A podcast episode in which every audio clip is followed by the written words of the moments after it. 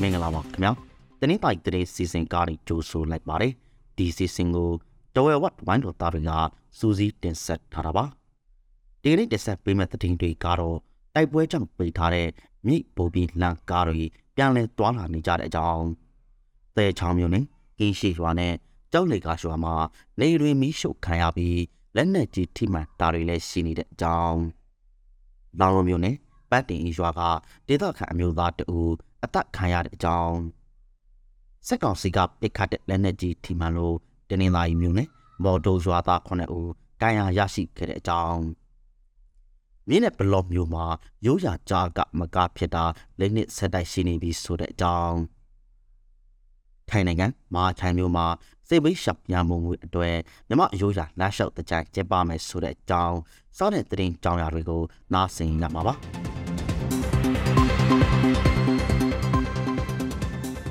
တိုက်ပွဲကြောင့်ပိတ်ထားတဲ့မြေပုံပြီးလမ်းကားတွေပြန်လဲသွားလာနေကြပါတယ်တိုက်ပွဲကြောင့်ဖြတ်သားသွားလာတာတွေမလုပ်ဖို့ပိတ်ပင်ထားတဲ့မြေပုံပြင်းပေါ်တော့လမ်းမနေ့ကစပြီးဖြတ်တန်းသွားလာတာတွေရှိလာနေပါတယ်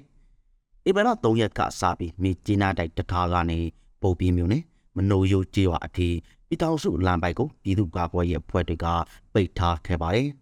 ဧပြီလ9ရက်မှာတော့ အဲ့ဒီလမ်းပိုက်မှာရှိတဲ့ညံဖို့တထားမှာစက်ကောင်စီကမိုက်ဆွဲခံရပြီးတထားလည်းကဖြတ်သားမရတဲ့အထိပျက်စီးခဲ့ပါတယ်လက်ရှိမှာတော့တထားကိုပြုပြင်ပြီးဖြစ်တာကြောင့်ကားတွေပြန်လဲတွာလာနေကြတာပါပြည်သူ့ကာကွယ်ရေးအဖွဲ့ဖက်ကတော့အဲ့ဒီလမ်းပိုက်ပိတ်ထားဆဲလို့ဆိုပါတယ်တထားပျက်စီးလို့ခိတဲ့ကားတွေဖြတ်သားမရတဲ့အခြေတပါလောက်ထဲမှာတော့ခိကျန်းကြမှုသက်ဆောက်မှုတဲ့ရေလိုက်ကြောက်ကိုဒေသခံတွေအတူပြုခဲ့ကြရပါတယ်။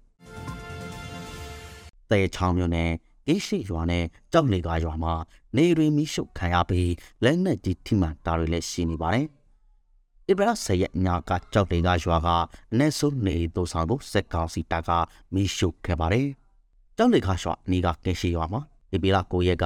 နေတဆောင်စစ်ကောင်စီတပ်ပစ်ခတ်တဲ့လက်နက်ကြီးထိမှန်ပျက်စီးခဲ့ပါတယ်။ဧပြီလ9ရက်ကစစ်ကောင်စီစခန်းတုပ်ဖို့ကိုပြည်သူ့ကာကွယ်ရေးပူးပေါင်းတပ်ဖွဲ့တွေကတနေ့တည်းမှာတိုက်ခိုက်ခဲ့ကြပါတယ်။ တိုက်ခိုက်ခံရတဲ့အထက်ကြောက်လီကားရွာနဲ့ကင်းရှိရွာအနီးစော်ဖျားကျေးရွာကစခန်းလေးတစ်ခုပါဝင်ပါတယ်။စခန်းတွေတိုက်ခိုက်ခံရပြီးမှစစ်ကောင်စီတပ်ကစော်ဖျားရွာဘက်စစ်ကြောင်းထူတာတွေရှိလာပြီးနောက်နေမိရှုခံရတာလက်နက်ကြီးပစ်ခတ်ခံရတာတွေရှိလာခဲ့ပါတယ်။လောင်လုံးမြို့နယ်မတ်တင်အင်ရွာဒေသခံမျိုးသားတူအသက်ခံရပါတယ်။အသက်29နှစ်အရွယ်လောက်ရှိတဲ့ပတ်တင်အင်ရွာကအမျိုးသားတူဧပြီလ10ရက်ညကအသက်ခံလိုက်ရတာပါ။ ညအချိန်အထိအေးပြန်မလာလို့လိုက်ရှာတဲ့အချိန်တင်ချိုင်ကိုသွားတဲ့လမ်းပေါ်မှာတနက်တန်ရဓာတန်ရတွေနဲ့တိတ်ဆိုးနေတာကိုဒေသခံတွေကတွေ့ရှိခဲ့တာပါ။အဲ့ဒီညဆန္ဒကြီးလောက်မှာရွာထဲတနက်ပစ်ဖောက်တန်တွေလည်းကြားခဲ့ရတယ်လို့ဆိုပါတယ်။ပေရလုပ်ငန်းလုပ်ကိုင်နေတဲ့အဲ့ဒီမျိုးသားကိုဘသူတွေကလာရောက်ပစ်ခတ်ခဲ့တဲ့ဆိုတာကိုတော့မသိရသေးပါဘူးစက်ကောင်စီကပစ်ခတ်တဲ့လက်နက်ကြီးထိမှန်လို့တနင်္လာရီမျိုးနဲ့မော်တိုရွာသား9ဦးတရားရရှိခဲ့ပါတယ် မော်တိုအနောက်ဘက်ကံကိုစက်ကောင်စီတပ်ကဧပြီလ10ရက်မှာလက်နက်ကြီးနဲ့ပစ်ခတ်ခဲ့တာပါလက်နက်ကြီးကြီးထိတဲ့သူတွေထဲအသက်မပြည့်သေးတဲ့ကလေးပါဝင်အားလုံး9ဦးရှိတယ်လို့ဆိုပါတယ်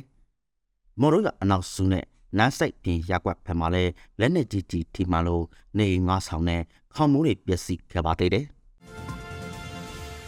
မင်းနဲ့ဘလောမှာရိုးရာကြားကမကားဖြစ်တာလေးနှစ်ဆက်တိုက်ရှိနေပါပြီ။မင်းနဲ့ဘလောမျိုးနဲ့မှာရိုးရာကြားအကာကိုနှစ်တိုင်း တကြမတိုင်ကြီးကျင်းပလိရှိပါတယ်။မင်းမျိုးမှာဆိုရင်ခီးသွွားလုပ်ငန်းအတွက်ကြားကနဲ့ဆွဲဆောင်ဖို့အထိလုပ်ငန်းရှင်တွေကစီစဉ်ခဲ့ပူပါတယ်။ရန်ပုံငွေအခက်ခဲကြောင့်ရှင်းနဲ့ဆက်တက်ရနာခဲ့ပူတဲ့အဲဒီကြားကဟာ2019ခုနှစ်မှပြန်လည်အသက်ဝင်လာခဲ့တာပါ